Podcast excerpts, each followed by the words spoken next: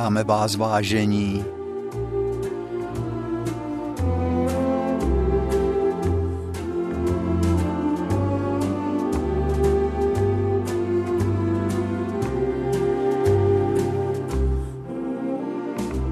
Taky jste tak rádi, že už je ta zima pryč? Zdálo se, že vůbec nikdy neskončí.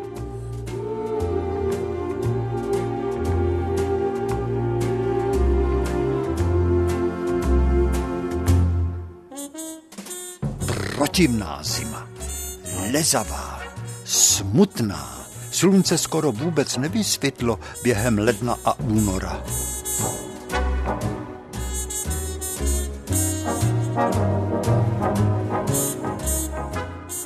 No a potom se to zlomilo 24. února. Najednou přišlo tání veliký, spadaly rampouchy ze střech a už bylo cítit jaro.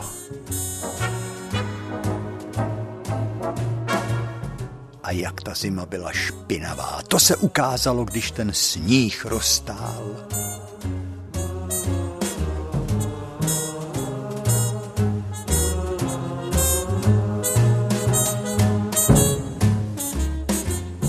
Kolik sajra tu zbylo. Promiňte mě to slovo, ale jinak se to říct nedá.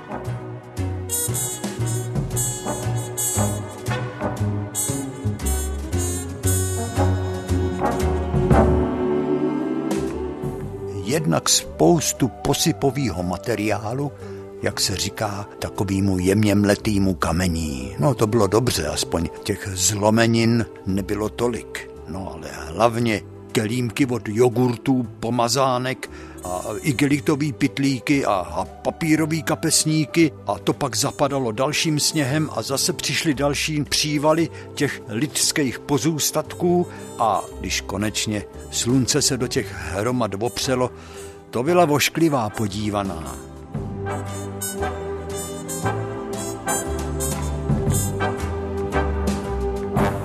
Já jsem se vydal tady na procházku do našeho lesíka, který pokračuje přes celý šárecký údolí a potkám sousedku. Tady má včelstva. Dobrý den, co pak to nesete? Ale mám tam takový dřívka, já musím opravit úly. Opravit úly a proč? se ptám. No protože představte si, že datlové do těch úlů vyklovali takový díry, začali vyzobávat včelstva v jednom úlu vyklovali díru, že tam sami vlezli a dokonce tam se uhnízdili. No to se ještě nikdy nestalo, říkala nešťastná včelařka. Snad neměli kde se najíst, nebo co, že si vybrali zrovna moje včely. Já to těm datlům neodpustím. Uvidíme, jak ty včelstva, jak budou zmordovaný, až budeme do nich moci jít, ale zatím je ještě zima. Zatím jim musím ty díry ucpat.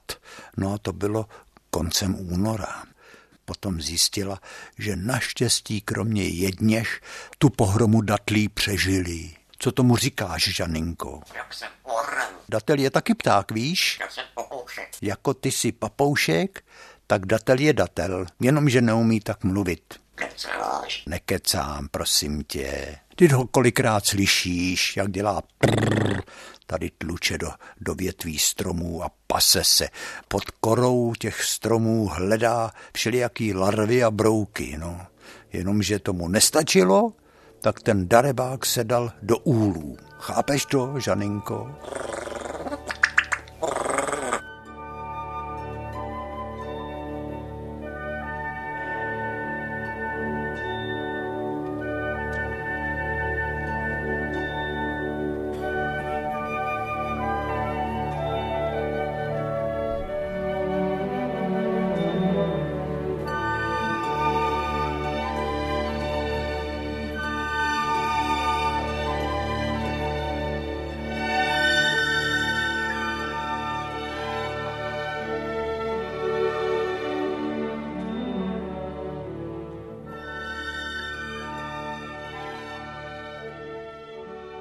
Jo, ale já si vzpomínám, jak jako dítě jsem čekal, až to tání začne, až začne tání, protože pod našima oknama byl příkop, který ved kolem celého domu.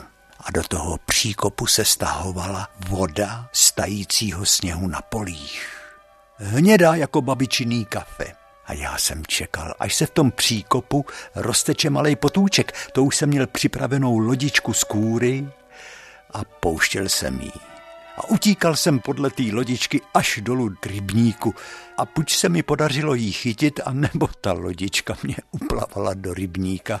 A potom tím rybníkem uplavala do dalšího potoka a potom přes další rybníky a další potoky, až skončila v Berounce, z Berounky skončila ve Vltavě, z Vltavy se přehoupla do Labe možná a když skončila plavbu po Labi, třeba teď ještě někde plave daleko v moři, jsem si říkal. To naplňovalo moji dětskou mysl takovým zvláštním pocitem, že jsem snad dokonce i námořní kapitán.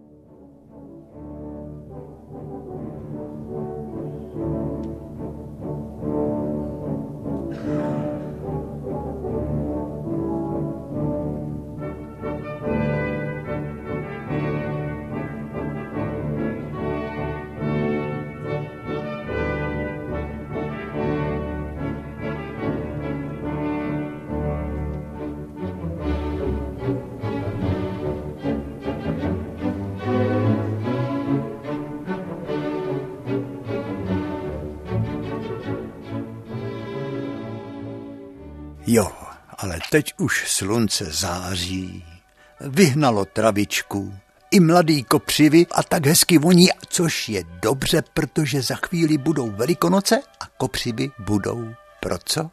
Pro nádívku přece a na malým plácku před oknama mýho ateliéru, na malý loučce, zazáří jako zlatý krůpěje žlutý květy pod bělu. A to mýmu stárnoucímu srdci, Žaninko. Ty koukáš a myslíš si, že jsem se zbláznil, viď? To dělá dobře člověku, ne? Když se dívá na první sněženky a na první zlatý květy pod bělu. Já si vzpomínám na plakáty, to jsem chodil na rakovnickou měšťanku. Na tom byly fotografie kvetoucích jív, na větvičkách byly chundelatý šedivý kočičky. Nebo že by už to byly opilený ty kočičky, žlutý, zlatavý. A tam byl nápis Neničte kvetoucí jívy, je to první potrava včel. Tak pokaždý, než jsem si ulomil větvičku jívy, tak jsem moc přemýšlel, jestli můžu nebo nemůžu. A jehnědy taky byly hezký. A břízy se začaly nalejvat mízou. V Pavlíkovském parku, kde byla socha svatýho Vojtěcha, tam byly břízy vzrostlí. A na nich každý jarní večer zpívali přeludně krásně kosáci. To měl člověk dvojnásobnou radost, že to jaro přišlo.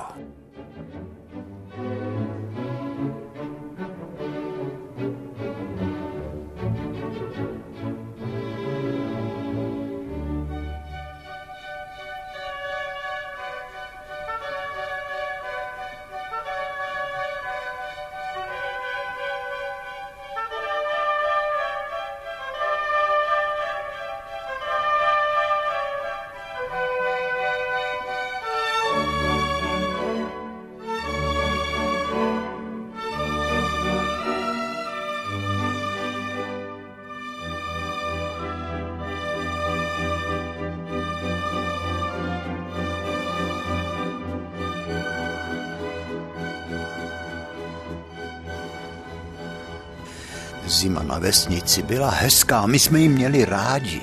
Kolik sáňkařských drah jsme měli k vydovádění se, nebo klouzaček vypolejvaných a zamrzlých ledovek. Kolik bylo v Pavlíkově rybníků, náš zabránský veskej u svatýho Vojtěcha, čtyři a ještě dvě louže, skoro pět rybníků. No a potom najednou přišlo tání.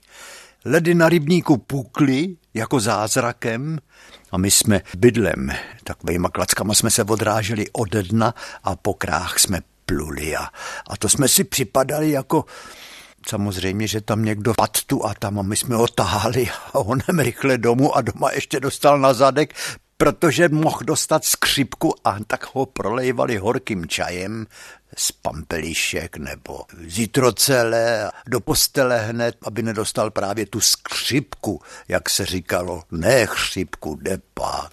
U nás to byla skřipka, protože byl každý skřípnutý a chrchlal. To taky patřilo k jaru. Frkání, smrkání a kašlání.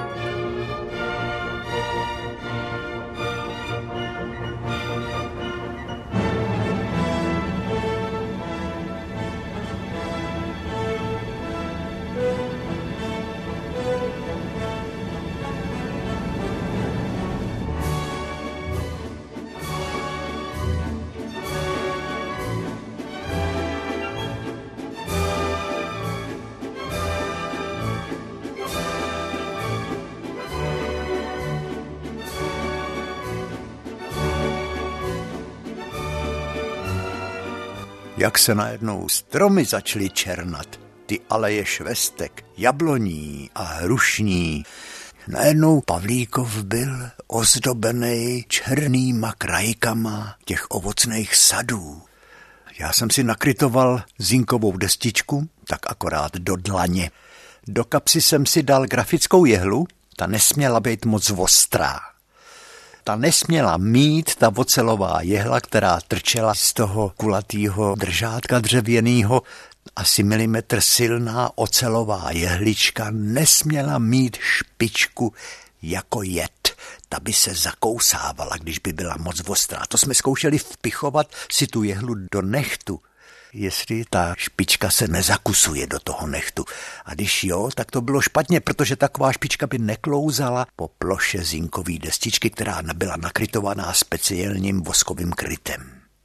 Tak jsme si tu jehličku museli o zvláštní druh brousku stupit, mírně obrousit, aby hezky klouzala a dalo se hezky kreslit drobnopisná kresba. No ale teďko, aby jsme se o tu jehlu nepíchli, tak jsme na tu jehlu nasadili špunt, korkovou zátku a dali jsme si ji do kapsy a ještě jednu rezervní jehlu vedle. Jedna jehla, žádná jehla, to někdy byly dvě i tři jehly a šel jsem kreslit stromy, jak se jako černý krajky ty koruny stromů proti světlýmu nebi rýsujou.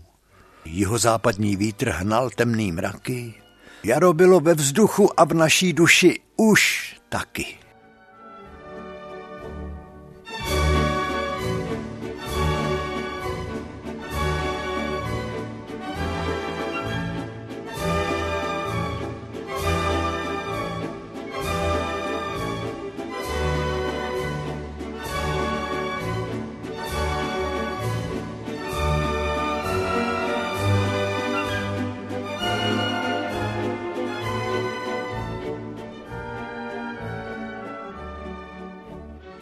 Jednou s takovou destičkou, když už jsem přišel do Prahy, jsem jel elektrikou na Pohořelec nahoru na Hračany, sešel jsem pár kroků dolů směrem k Dejvicím a stanul jsem před vysokananánskou zdí z červených cihel.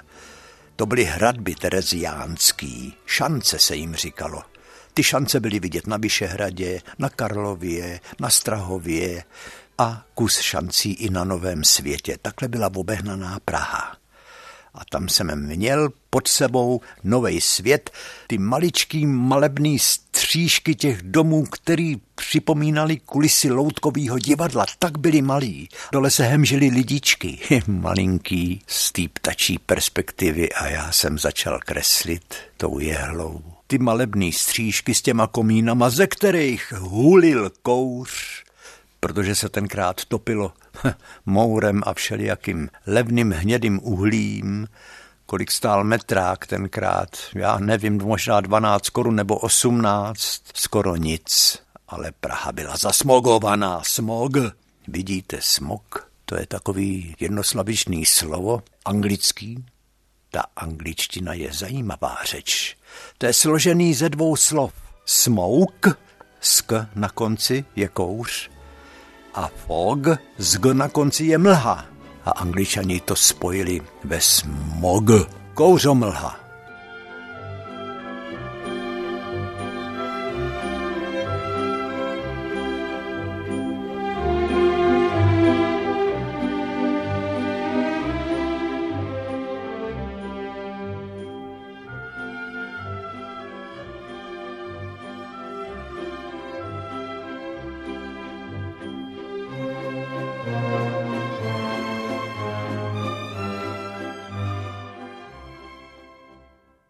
Kouřomlze neboli ve smogu, to už se vžilo ten výraz. Žijeme vlastně od podzimu do jara pořád a ještě k tomu polétavej prach.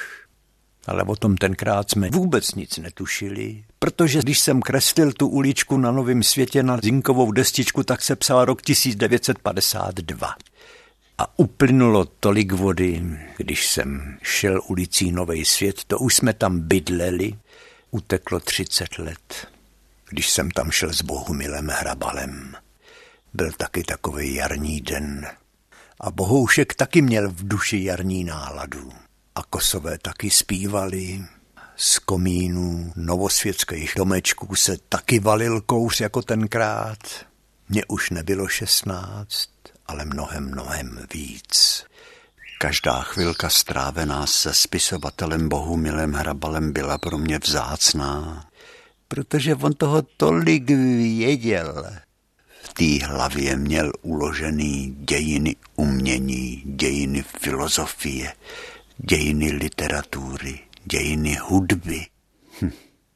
Jak on říká, kolikrát jsem propad a opakoval jsem prýmu i kvartu, a o dva roky jsem si prodloužil mládí, protože vůbec mě nebavilo se učit, já jsem se nedokázal soustředit. Hlavně jsem propadal z češtiny, říká, ale potom jsem propad té češtině a psaní tak, že jsem začal psát na pivovarský účtenky v Nymburském pivovaře. A neuměl jsem vůbec psát na psacím stroji takže jsem napsal první básničku a těšil jsem se, až těch básní bude tolik a vydá to na knížku. A já, že tu knížku budu mít za výlohou Nymburského knihkupce, že to zahřeje mi srdce adolescenta neboli nedospělce, protože všechny ty holky, který jsem měl tak rád a který jsem si chtěl naklonit, tak možná, že ta knížka básní by zlomila tu jejich lohostajnost ke mně.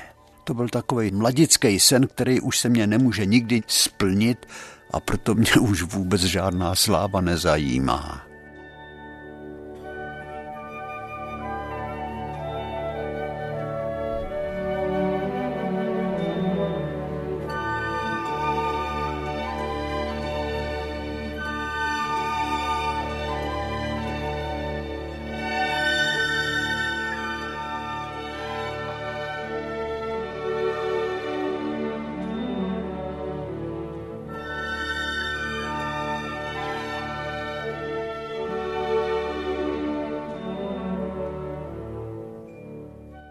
Nový svět přicházel Bohumil Hrabal buď po dlouhém schodišti z hořejší hlavní silnice, která vedla od hradu a zatáčela se na pohořelec a dlouhý schody jej dovedly až k plácku, který byl buď prázdnej, nebo tam stávali ženský, nákupní tašky postavený na dlažbě a vyprávěli si. A nebo tam chlapi, pan Štverák a pan Šus, montovali ty svý starý auta. A když spisovatel zdvořile všecky pozdravil, tak rychlými kroky pádil k našim dveřím, tam zazvonil a už byl u nás. Tak tady je pan Hrabal, jo? Pozdravil, dobrý den. A Milada přinášela něco malýho, třeba bábovku, nebo závin. A Brandy Torres, Torres, to měl Bohumil tak rád. To je jen tak k vypláchnutí drštičky říkával pan spisovatel. Pustil se do vyprávění o tom, co mu říkali potentáti, o tom, co by měl psát a o tom, co by psát neměl, a vyprávěl i o výslyších v Bartolomějské ulici, že má přidělenýho takovýho dohližitele, který dbá na to, abych něco neproved, čověče, tak mě už je přes 70 a já mám svýho vychovatele jako v polepšovně. Člověk si z toho musí dělat legraci, ale někdy toho, někdy toho mám dost.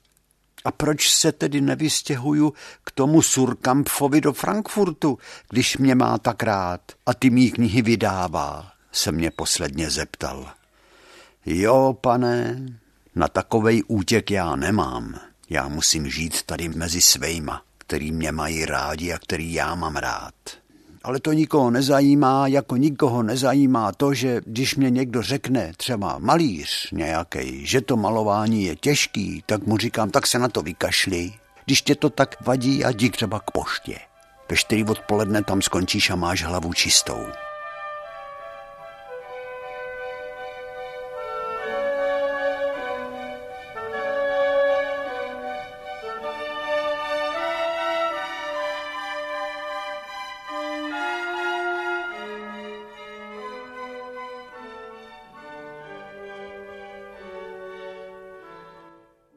Ulička Novej svět ta spisovatele elektrizovala.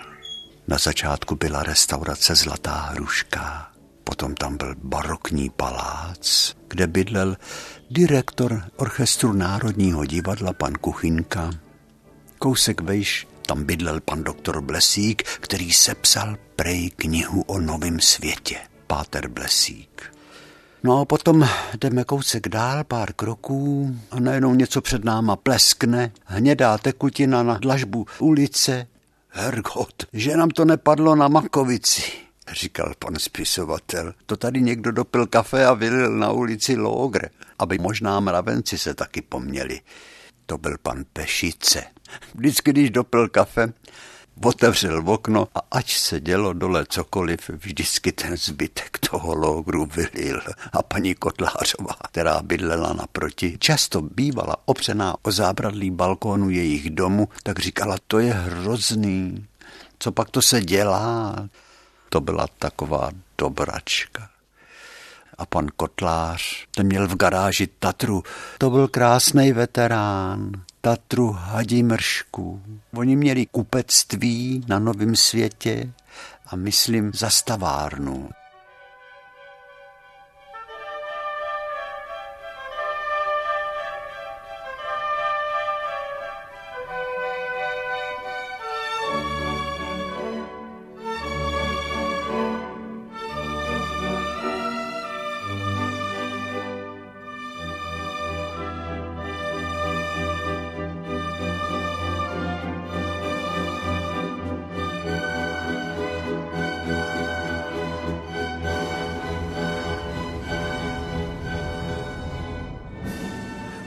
Tady bydlelo lidí? No já kolikrát, když nemůžu spát, říkala paní Kotlářová z verandy, která byla trošičku nad ulicí ve zvýšeném patře.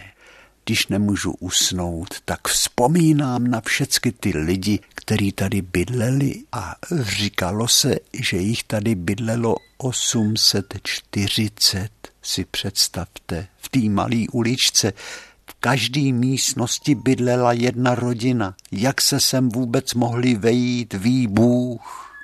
A taky tady bylo třináct náleven. Představte si náš krám, krám pana Pokornýho, kde bydlíte vy, cukrárna to byla, kovář pan Majer se sem potom přistěhoval. Jednou byly povotevřený dveře toho zvláštního domu u Majerů. My jsme tam tak nenápadně se snažili nahlídnout všechny stěny dvora, který byl obehnaný stěnami jak domů, tak i stěnou, která zabraňovala výhledu do kapucínské zahrady. A tam na židli před tou brčálově zelenou stěnou, pokrytou mladou zelení, mladými listy břečťanu, seděl stařeček, stařičký pan Majer. Prej pocházeli z nějakého šlechtického sídla kdesi na západě Čech. A tvář pana Majera a jeho ruce, to jsem ještě neviděl. Ty řečiště žil a cév a šlach, tvář, vyhasínající oči a na tváři takový odevzdaný úsměv. A jenom vzdychal, jak ten život rychle utek.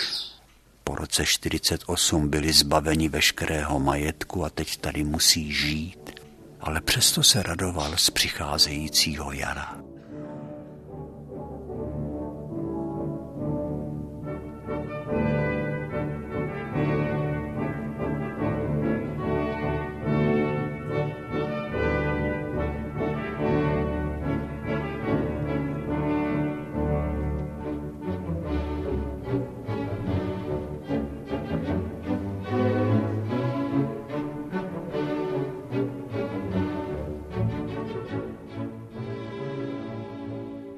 No a potom jsem řekl Bohoušku, tady vedle bydlí Otakáňa, to je tak prýma kluk, on je elektroinženýr, ale vyřezává, má rád dřevo a k tomu někdy půjdeme. Ten vám bude vyprávět. Ale tam nahoře, on se tady narodil houslista Ondříček. Tady má tu bystu, jak na nás kouká, jak jste minule říkal, že má hezký kníry. No, to má, přisvědčil spisovatel tak protože na Novém světě byl pořád neklid, tak víte, kde ten Ondříček cvičil na ty housle? Tak se něčeho podržte, aby to s váma nešvihlo, až vám to řeknu, protože to je surrealistická vize. On vylez po žebřících a vykýřem až nahoru ke komínu a tam na té komínový lávce cvičil na housle, protože říkal, že tam má největší klid a že je tam docela hezký výhled tak si představte, cvičil etídy na housle. To je vize, co? Jak tam malý dítě sedí a hraje na housle u komína.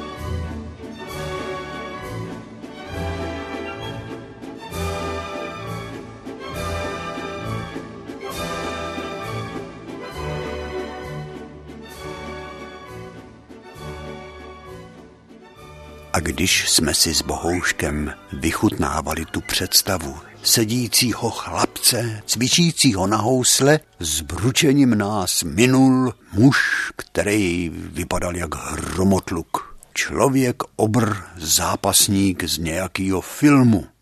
Nahrbenej, mohutnej zátylek, velkou spodní čelist, nízký čelo, porost vlasů, hustej, kolik mohlo být tomu pánovi, jehož jméno jsem zapomněl. Připomínal trošku postavu Kvasimoda z filmu Zvoník u Matky Boží. A nikdy nikdo tohoto člověka nepotkal, aby ten člověk na něco nenadával.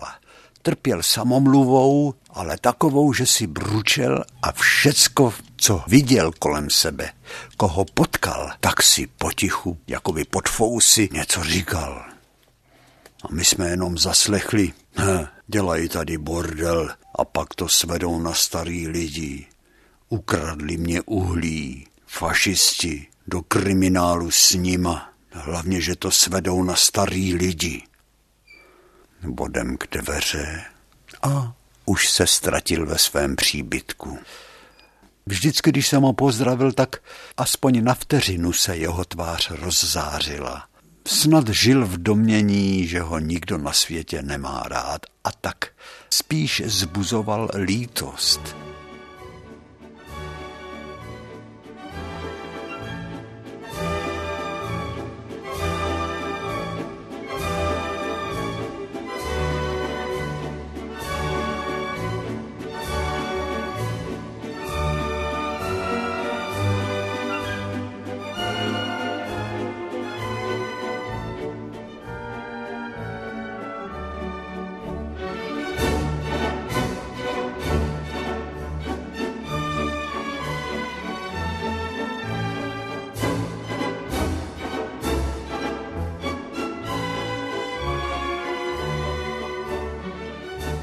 Jo, tady bydlí Polákovic. Jindra Polák, režisér dětských filmů, jsem řekl Bohumilovi Hrabalovi. A paní Poláková, jaký má hezký honzíky ve oknech. Paní Poláková zrovna stála před domem a vykládala z malého fiátka nákup. A byla tam taky její dceruška, Kačenka, který bylo asi pět let. Já jsem je představil, to je paní Poláková, to je pan spisovatel Hrabal. My o vás tak často mluvíme, říkala Zuzanka. A co ty, Kačenko? Půjdeš příští rok do školy, viď? A Kačenka se pousmála tak rozpačitě, jako to ty malí děti dělají. A Bohumil Hrabal řekl, potom, když jsme šli dál, ta Kačenka, taková hezká holčička, zdálo se mi, že má takový smutný oči, víš. Já jsem říkal, ona je taky nemocná. Ona je tak hloupě nemocná, že máš špatný krevní obraz a ještě má revmatismus mladistvých, kdy jste si mohl všimnout, jaký má oteklý kolínka a kotníky. Klouby, no, a tím trpí. Její rodiče Jindra se Zuzkou tím taky trpí. Teď už se to zlepšilo, protože Pepíček Kemr, jednou to říkal Jindra Polák Pepovi Kemrovi, který tolik věděl přece po takových těch zázračných léčitelích. A Pepa řekl, jeďte za farářem Ferdou do Sušice, já to tam vyjednám. Oni na něj stojí fronty na toho chudáka. On by mohl jenom léčit, ale on všecko pozná. Uvidíte, že tu kačenku vyléčí. On stačí, když se podívá na fotografii Páter Ferda, řekne přesně diagnózu. To se tak hezky řekne. Já tomu Pepíčku moc nevěřím, říkal Jindra. To jsou výsledky, prosím tě. Výsledky v tom smyslu, že ho vzali do Lomonosovy univerzity v Moskvě, Pátera Ferdu, a na nějakým přístroji mu naměřili takovou kapacitu mozku, že z toho byli i ty ruský vědci vykulený. Jak je to vůbec možný, že takový člověk se narodil a žije? No zkus to, no. Odvolej se na mě, že tě posílám, říkal pan Kemr režisérovi Polákovi. Tak Indra tam jednou jel, v Sušici věděl každý, kde bydlí Páter Ferda.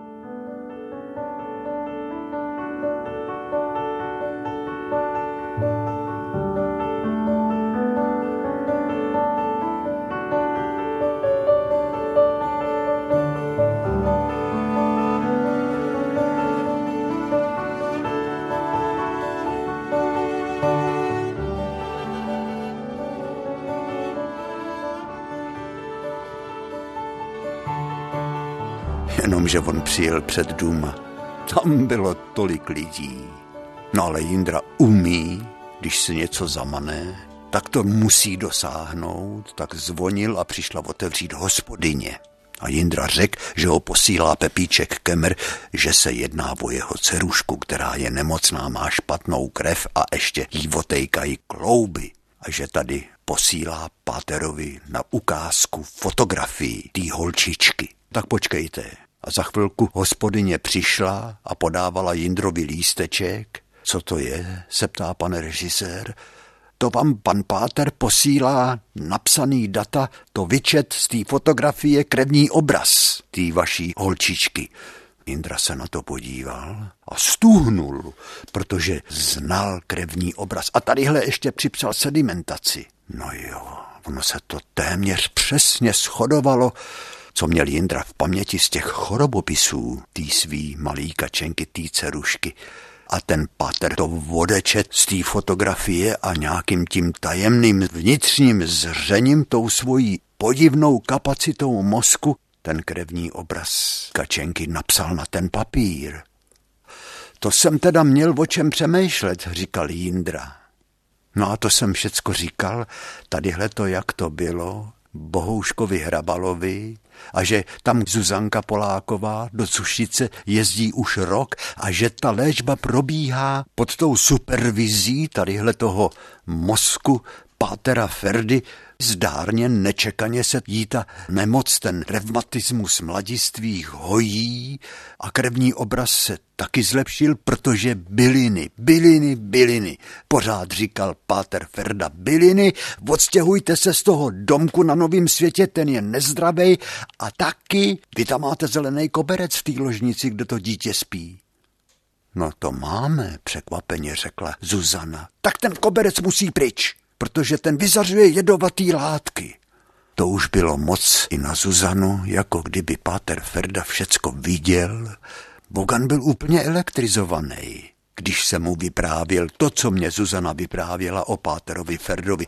Já bych měl zájem toho člověka vidět aspoň na chvilku, řekl spisovatel. Teď je to zázračný člověk. Tak ať nám to tam Zuzana vyjedná, že jo?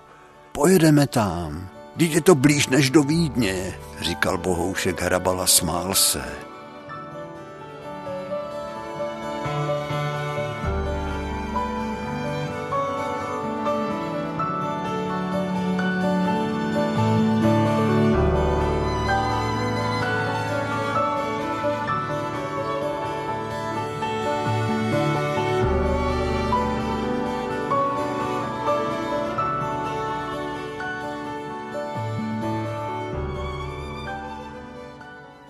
Tak nadešel den, kdy jsme za léčitelem do Sušice vyrazili. Milada šoférovala, vedle ní jsem seděl já a vzadu seděla Zuzanka Poláková, maminka Kačenky a pan spisovatel.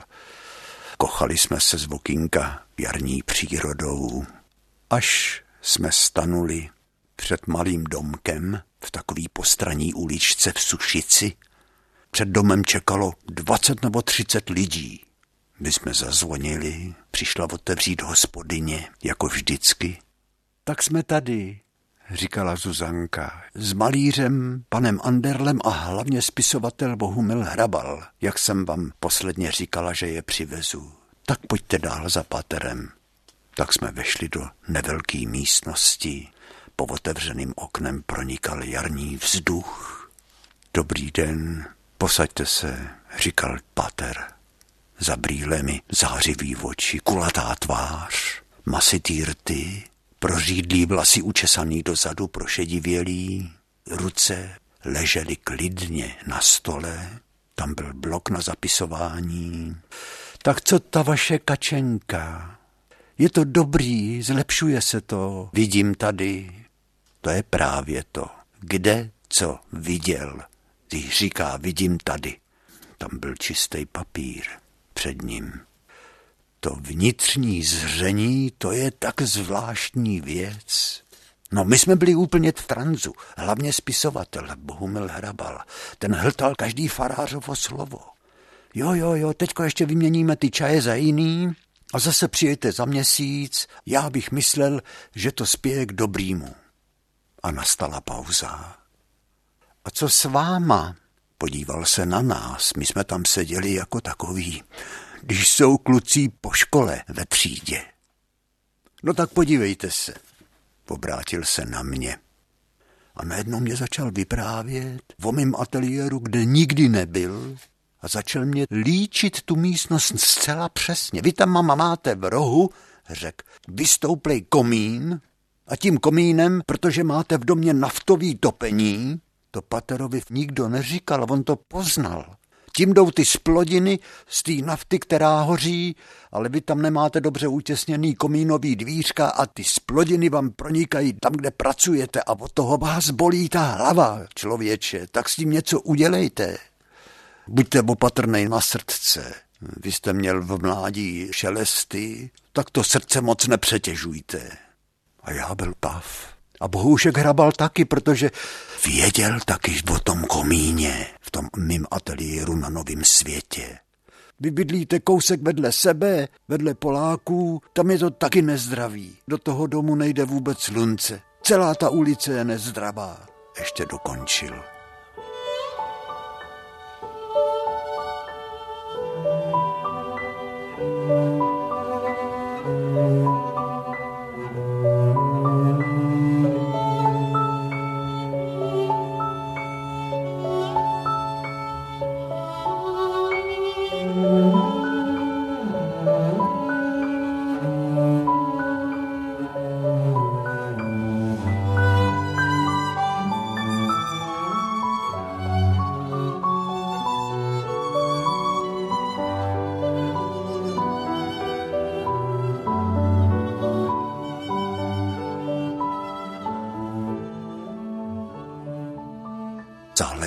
Spisovatele. Co asi řekne? Já jsem tam jel, protože mě bolela hlava, bolívala. A Bohoušek pořád říkal, to jsem zvědav, co mě ten pater řekne na tom jí zduřelý játro. A pater Ferda se zadíval do spisovatelovy tváře a řekl, proč nosíte takový ponožky s tou ostrou gumou, která se vám zařezává do lejtek? Vždyť nemůže pořádně proudit krev, vždyť si kazíte krevní oběh. A potom vás berou při spaní křeče. No to mě tedy berou, velebný pane. No tak přestaňte nosit takovýhle pevný ponožky, který se vám zařezávají do nohou nad kotníkama. Musíte nosit volný ponožky. A Bohoušek povyhrnul nohavici. No a tam opravdu byla ponožka zaříznutá do lejtka. A to nebylo všecko. Po chvilce řekl Pater Ferda. Nenoste hnědou barvu, taky máte auto hnědý. Na to si dejte veliký pozor. Ta hnědá barva vám přináší smůlu. Hnědá barva taky není zdravá, protože to je moc samá chemie a to vyzařuje do vašeho těla a buňkama se to dostává do vašich orgánů. Hnědá barva by měla z vašeho života zmizet. Bohoušek vyvalil oči, protože řekl, no my jsme si nedávno koupili takovýho malýho Fordíka hnědýho. Já o tom vím, řekl jasnovidec Pater Ferda. Ale nemůžu pochopit, pane spisovateli, proč jste tu minulou středu udělal tu blbost s těma bramborama. To už teda opravdu se Bohoušek začal potit. Když já měl takovou chuť na nový brambory, tak jsem si jich trošku z toho řádku na zahrádce v Kersku vykopal, no a uvařil jsem si je. Vždyť to byl jed, co pak jste si nevšim, že jsou ty brambory nezralý, zelený? Co to děláte? Vždyť už jste dospělej, moudrý člověk, ne? A s tím pivem taky přestaňte. Já nemám nic proti alkoholu, říkal pater. Ale co je moc, to je moc. Velebný pane, žena mě to taky říká. Mám to zduřelý játro. Ale játra máte celkem ještě v pořádku. Když máte taky vyoperovaný žlučník a můžete jíst to, co chcete. Hospodyně vám dá čaje a pijte to a někdy zase přijďte a s pánem Bohem. Milada,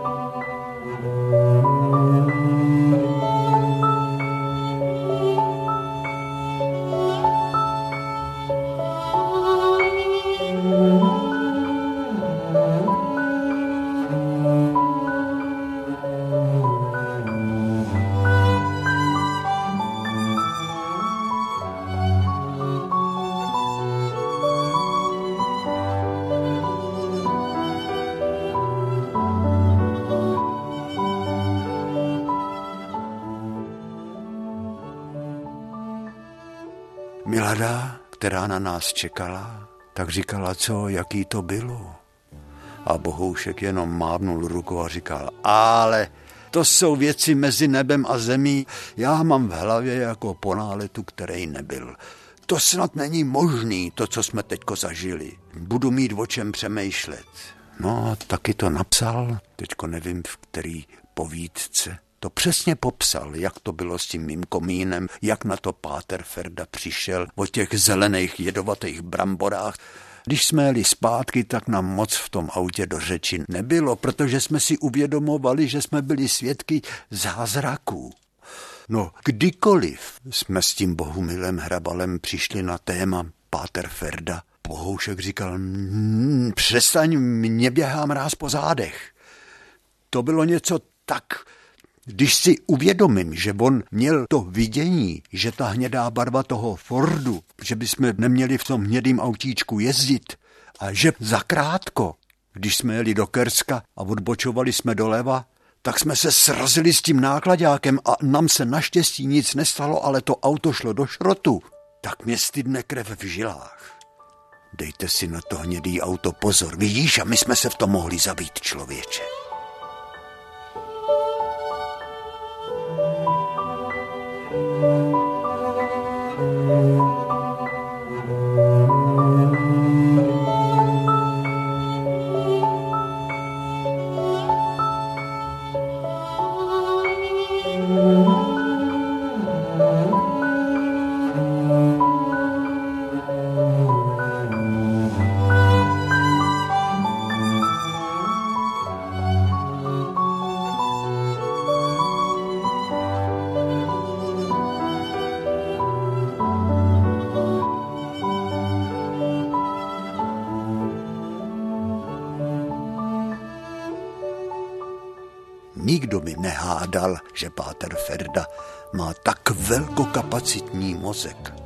Že dokáže léčit na dálku.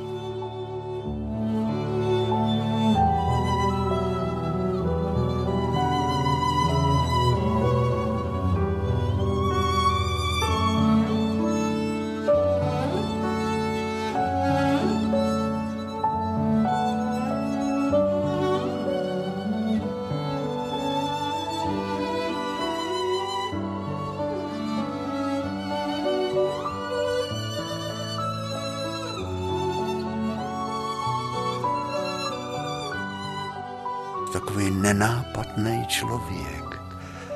Mě připomínal v první chvíli Pavlíkovského tesaře Fraňka, ke kterýmu jsem chodil do houslí. Takových lidí po světě chodí, ale když do hlavy jim člověk nevidí,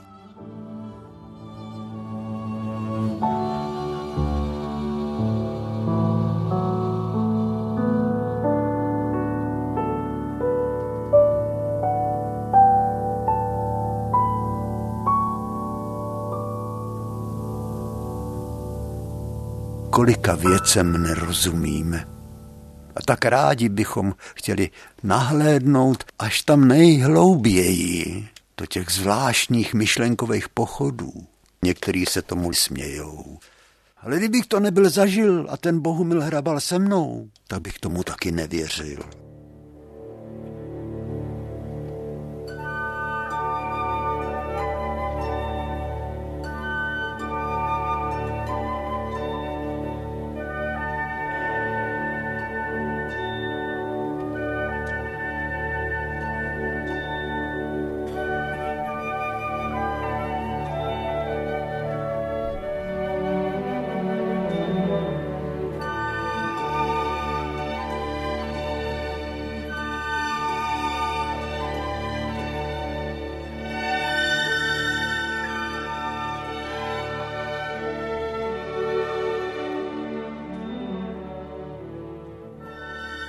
Ještě jsem zapomněl říct, co ta malá kačenka s tím revmatismem mladistvých, s tím špatným krevním obrazem.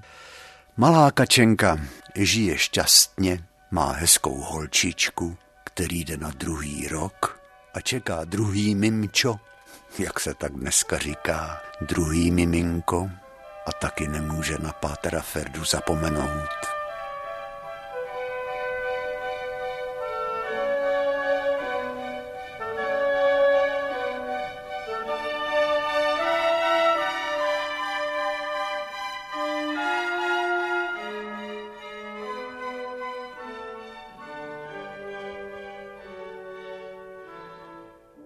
Co tomu říkáš, ptáku?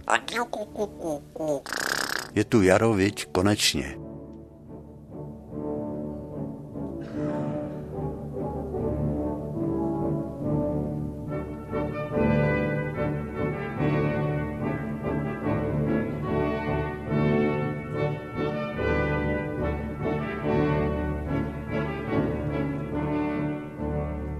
kolik uplynulo let od doby, kdy jsme jezdili k farářovi.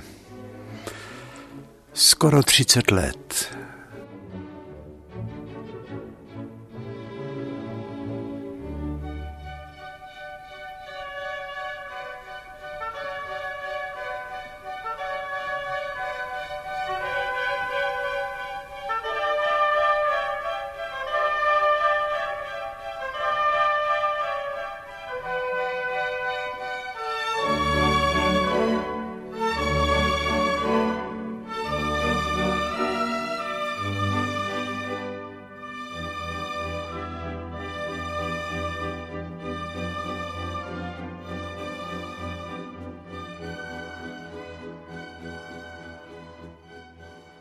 Taky budete mít o čem přemýšlet po tom, co jsme vám teď s papouškem vyprávěli, viď? A mě rádo. Žando.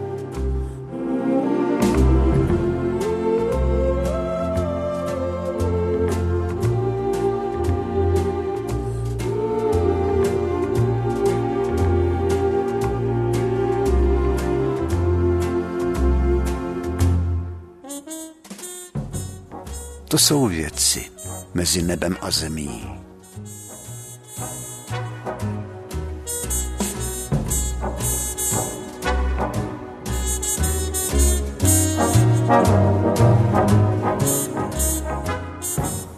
Tak vám taky přejeme, abyste někdy takového zázračného člověka potkali.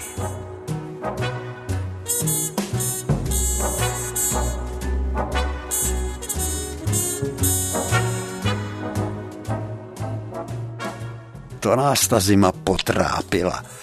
Mrazy. Ah.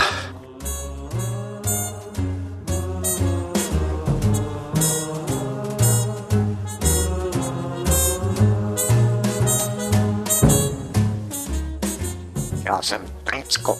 Takže my se s vámi pro dnešek loučíme.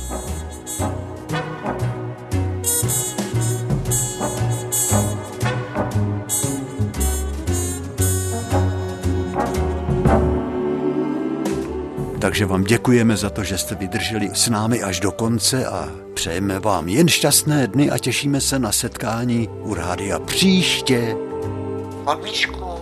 Jsem Mínkou. Ahoj. No jo, poslední slovo vždycky musí mít papoušek. Ahoj.